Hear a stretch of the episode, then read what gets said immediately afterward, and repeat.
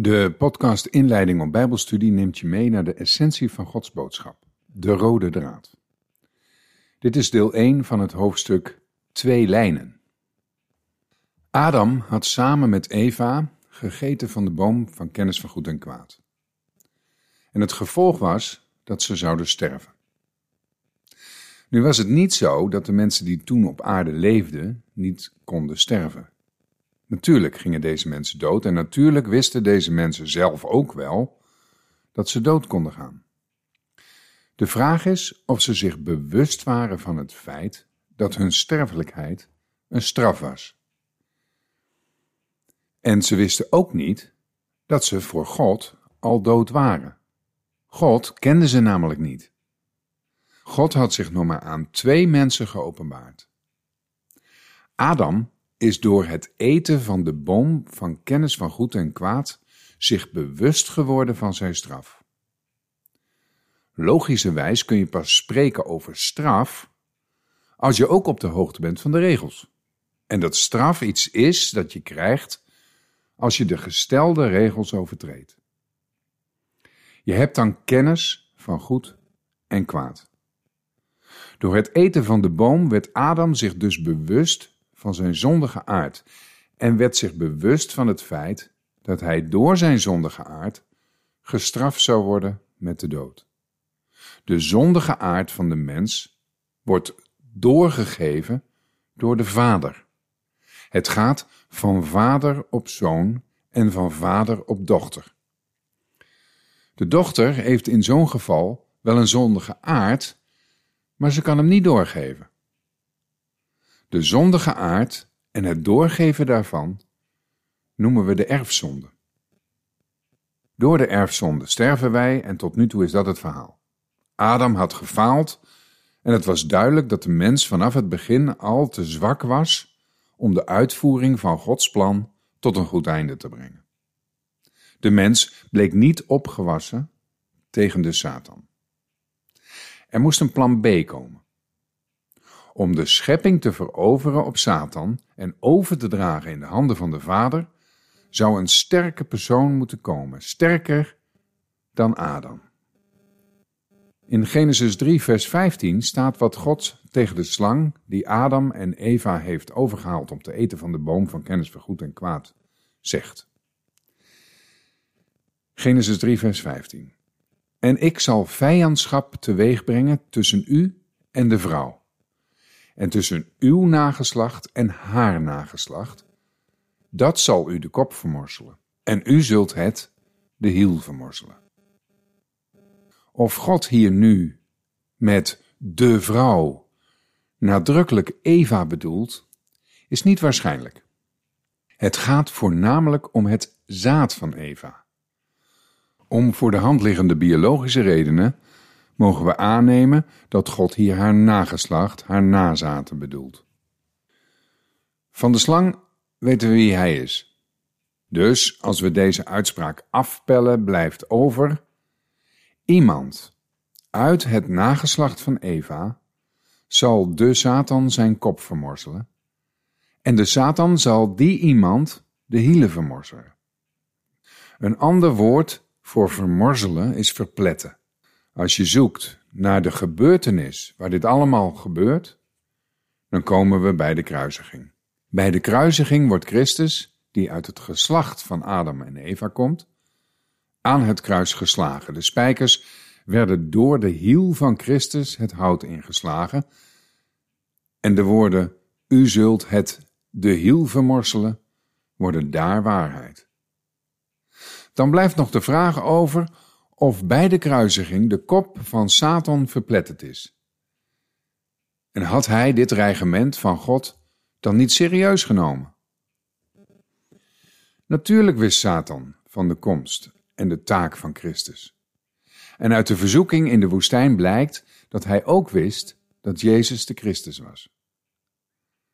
Wat hij zich niet gerealiseerd heeft, is dat de dood en opstanding van Jezus Christus zijn ondergang was. Eigenlijk was dat voor iedereen nog een raadsel. Of, zoals dat ook wel wordt genoemd, een verborgenheid. Pas toen Jezus Christus het nodig vond dat het doel van zijn lijden en zijn sterven duidelijk werd, maakte hij het openbaar. Dit openbaar maken staat beschreven in Lucas 24, waar staat: Toen opende hij hun verstand, zodat zij de schriften begrepen.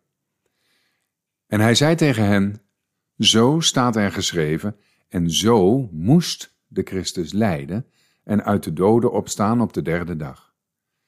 En in zijn naam moeten onder alle volken bekering en vergeving van zonde gepredikt worden. Te beginnen bij Jeruzalem.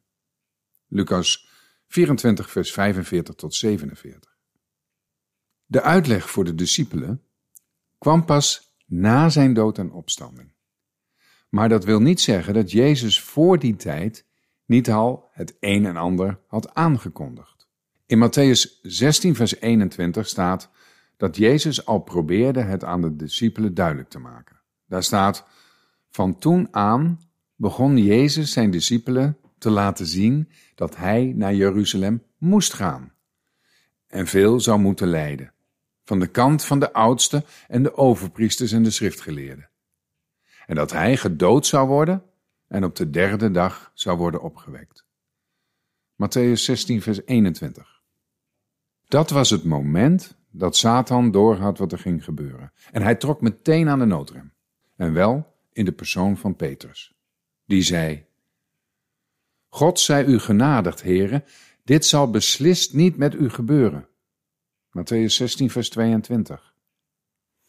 Jezus had wel door wie zijn lijden en sterven zou willen tegenhouden, en antwoordde Petrus met: Ga weg achter mij, Satan. U bent een struikelblok voor mij, want u bedenkt niet de dingen van God, maar die van de mensen. En dat staat in Matthäus 16, vers 23. Satan heeft in de persoon van Judas nog geprobeerd de veroordeling tegen te gaan. Toen Judas, die hem verraden had, zag dat hij veroordeeld was, kreeg hij berouw. En hij bracht de dertig zilveren penningen bij de overpriesters en de oudsten terug en zei: Ik heb gezondigd, want ik heb onschuldig bloed verraden. Maar zij zeiden: Wat gaat ons dat aan? U moet maar zien. Matthäus 27, vers 3 en 4. Als laatste poging heeft Satan nog geprobeerd via de vrouw van Pilatus het tijd te keren. Zij vroeg haar man om geen recht te spreken en de zaak te laten rusten.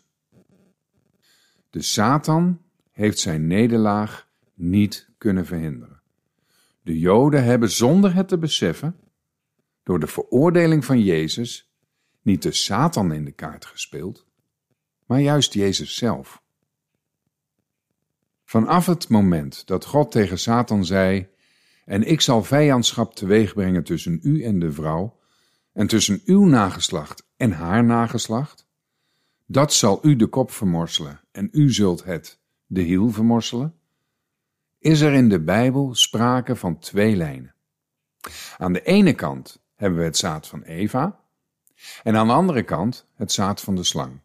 Of, als je het meer wilt toepassen op de mens van nu, het zaad van de vrouw, mensen die God aannemen, die God geloven, en het zaad van de slang, mensen die God afwijzen en die God niet geloven. De geschiedenis van de zonen van Adam en Eva, Kain en Abel, is het ontstaan van de splitsing in twee lijnen. Toen Kain uit jaloezie Abel doodsloeg, werd Kain daarvoor natuurlijk gestraft. Hij moest de familie verlaten en werd uit de familie gezet. Hij mocht zich geen zoon van Adam meer noemen. Het begrip zoon is in de Bijbel vaak wat anders dan het tegenovergestelde van dochter. Met de term wordt namelijk veel meer bedoeld dan alleen het geslacht van het kind. In Openbaring 12, vers 5, achter in de Bijbel, staat de volgende zin. En zij baarde een zoon, een mannelijk kind. Als met begrip zoon alleen maar een jongetje bedoeld wordt, dan is deze zin uit Openbaring een hele vreemde, maar vooral tamelijk overbodige informatie. In Jesaja 9 vers 6 staat, Want een kind is ons geboren, een zoon is ons gegeven. En hier begint de andere betekenis van zoon duidelijk te worden. Zoon betekent in de Bijbel erfgenaam. Het kind waar Jesaja over schrijft, het kind dat geboren is, is de van God gegeven erfgenaam. In de Bijbel betekent zoon dus veel meer erfgenaam dan kind. Dit was deel 1 van het hoofdstuk Twee lijnen van de podcast Inleiding op Bijbelstudie.